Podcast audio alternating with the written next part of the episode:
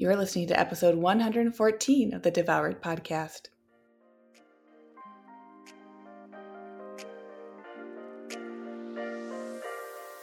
Welcome to Devoured, the podcast for women ready to release the title of Dieter for Good.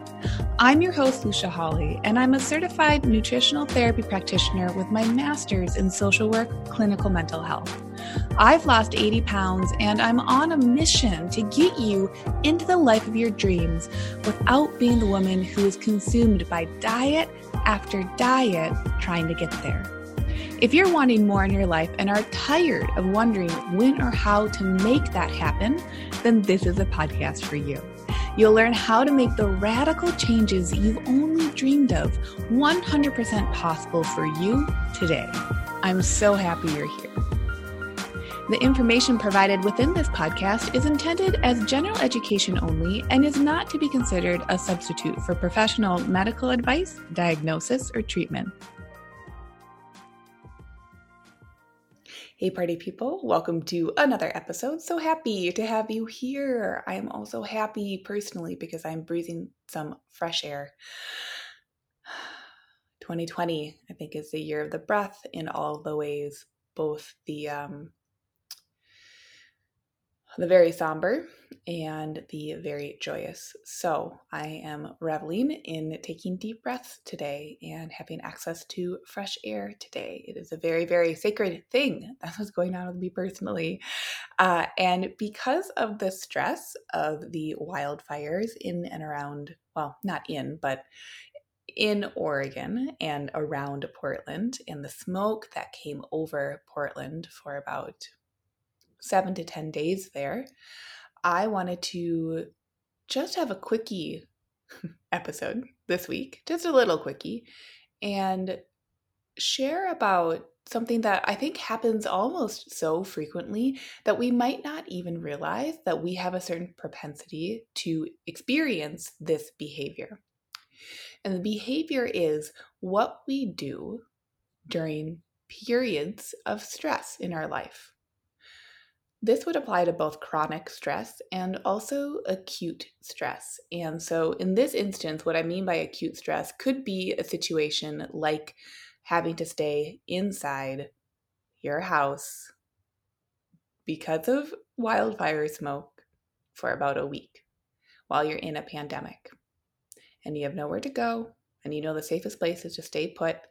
And any of your coping mechanisms that you've worked hard to garner, like physical activity or connecting with nature, grounding, etc., are currently inaccessible.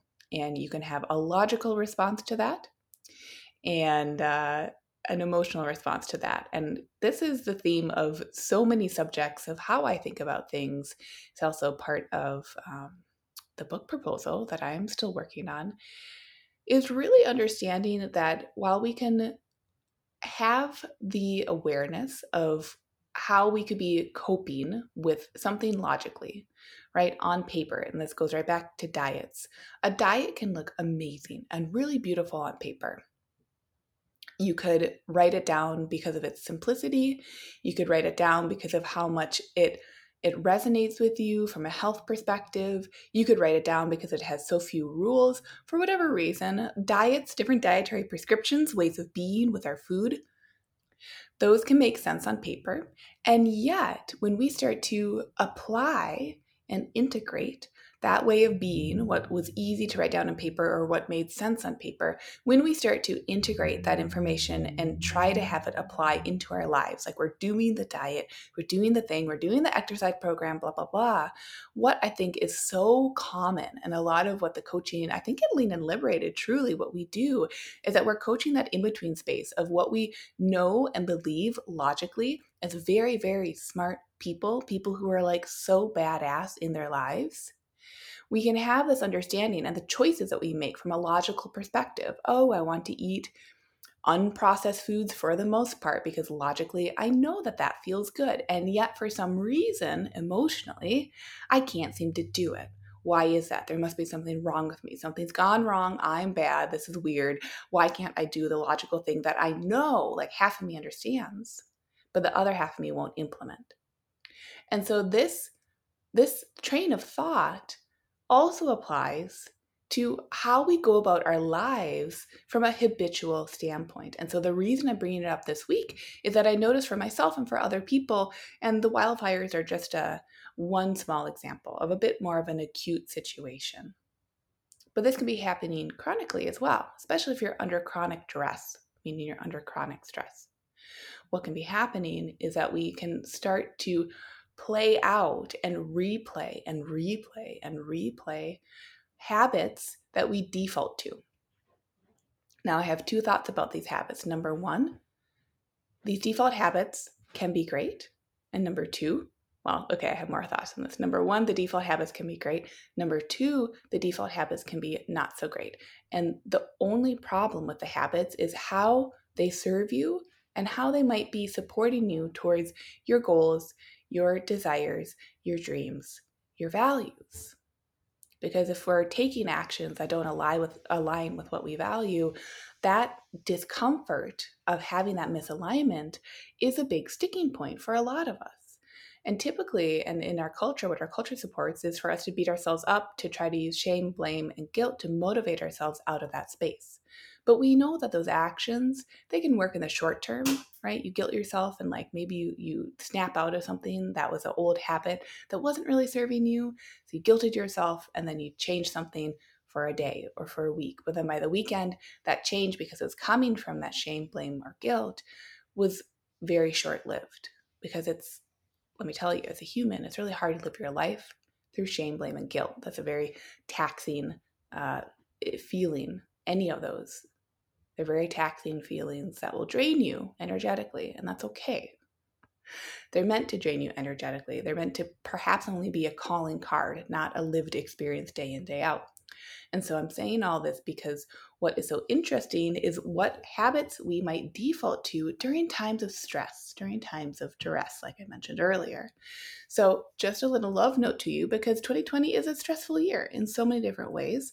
To get really curious this week if you're under some chronic stress or you're experiencing more of an acute stressor right now, and you notice that like other parts of your life that felt like they were on fleek, remember when we use that term on fleek? if you had other parts of your life that felt like they were pretty easy. Like you had a nice movement routine. You were feeling pretty groovy in the kitchen, right? Maybe your weight loss efforts or whatever other efforts, your business efforts, whatever it was, they were all groovy. And then you feel like one thing happened, one stressor happened, just enough that it kind of veered you off course. What I want to add in, and for a different way of thinking about these things this week, is get curious. Did you veer off course? Or is it all that happened that you defaulted to older habits subconsciously. There was a default to older habits that maybe aren't the ones that really are serving you in this moment, in this period of your life, but that are that much more comfortable psychologically from that subconscious standpoint in your brain. Because I think we all know for many of us, food and nutrition choices, movement choices, they take conscious effort.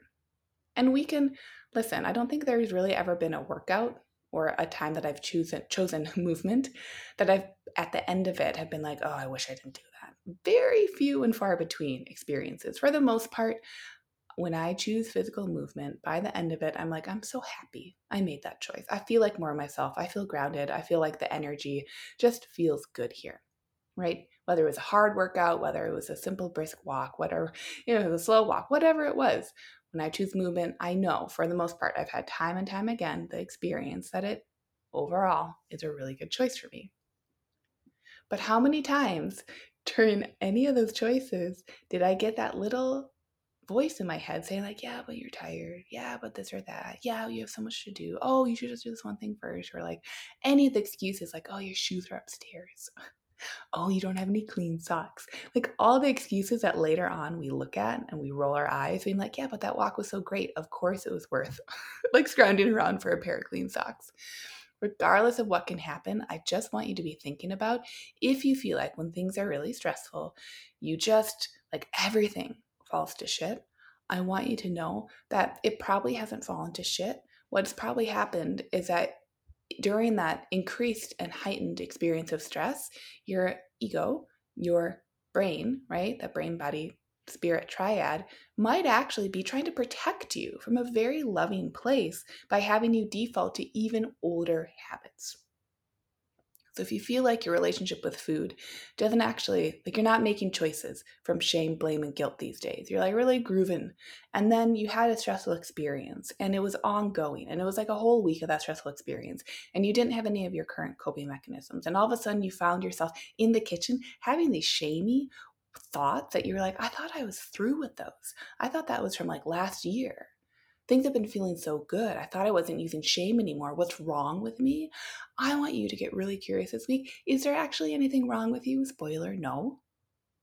And instead, assess oh man, maybe this is just how my body is trying to protect me during a, t- a period of stress and a stress that it didn't predict because i think that can also be another factor the stresses that surprise us the things that we're not like oh i have that big meeting coming up. Okay we can we can prep and prepare for some uh, known stressors. But of course in our lives things are 50-50 and we're going to have stressors that are known and also have stressors that are not known that we aren't we aren't prepping for. So just know that you know when i'm when i'm in coaching sessions and even before i started lean and liberated like for the you know ever since i've been an ntp and i've been working with clients so often what we want to do in order to inspire ourselves into action is that we want to figure out why we were broken. We want to figure out why this set of actions that we've been taking or habitually have been defaulting to why they're so bad and why and how we can stop them so we can start doing new things so, what I want to offer to you this week, and just this little quickie, little quickie of an episode, is to get curious. Were you ever actually doing anything that was broken?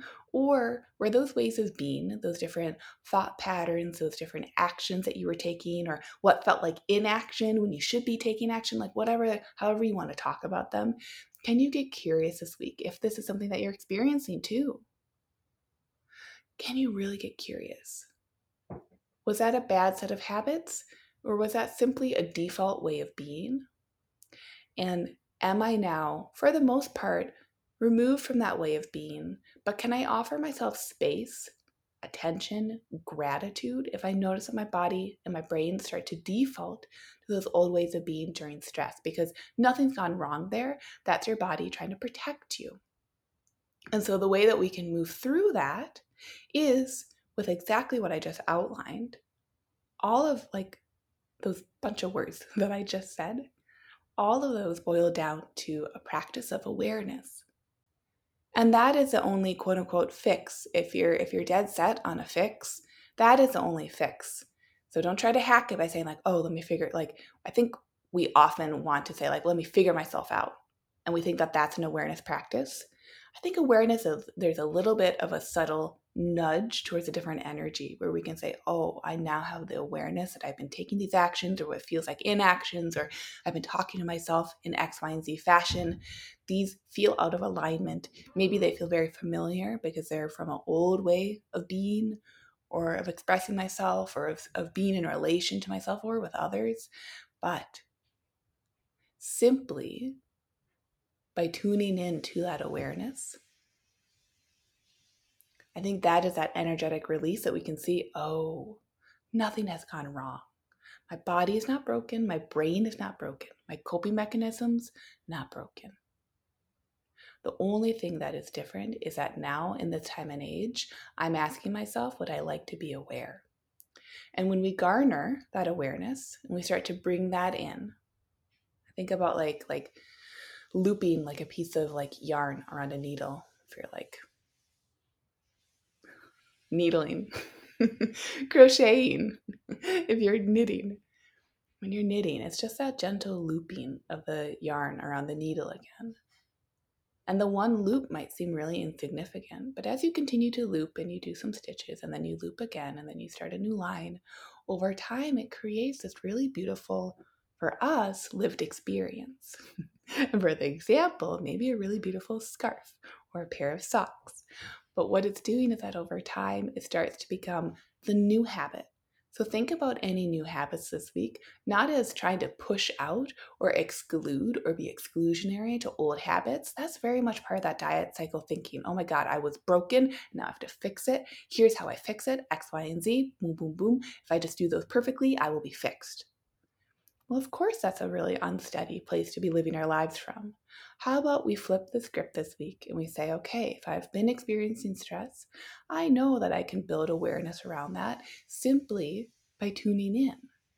There doesn't have to be some set of hacks, some best way to become aware. It's literally just taking a hot second, if I so choose, without feeling pressure from anyone else, and recognizing that that awareness might feel uncomfortable but it's that reckoning with yourself of saying like i'm going to choose that discomfort because i know on the other side of it is returning to the way of being that actually feels very integrated and supportive for me in my life right now with my current identity and that current identity can hold space for the fact that there might have been old habits that we could be defaulting to in the moment right now that are from a long time ago.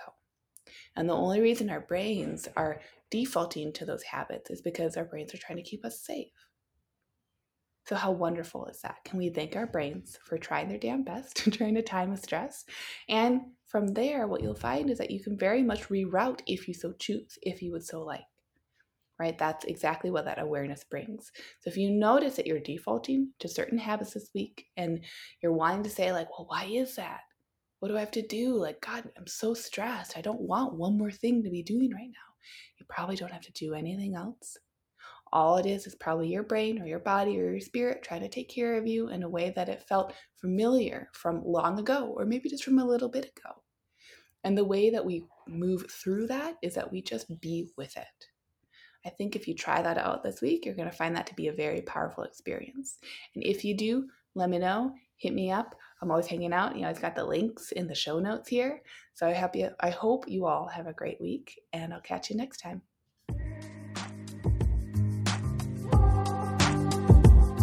Okay, everyone, that's all for this week. Thank you for listening to this full podcast episode. If you want more of this information every day instead of just one podcast episode each week, consider coming over to Instagram to hang out with me.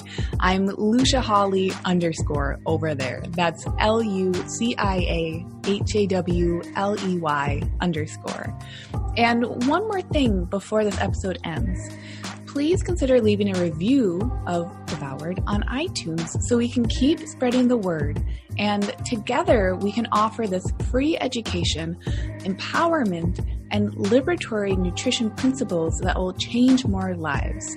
If you're someone who likes to empower other people, then please consider sharing this podcast with friends and family. And by leaving a review, it makes a world of difference.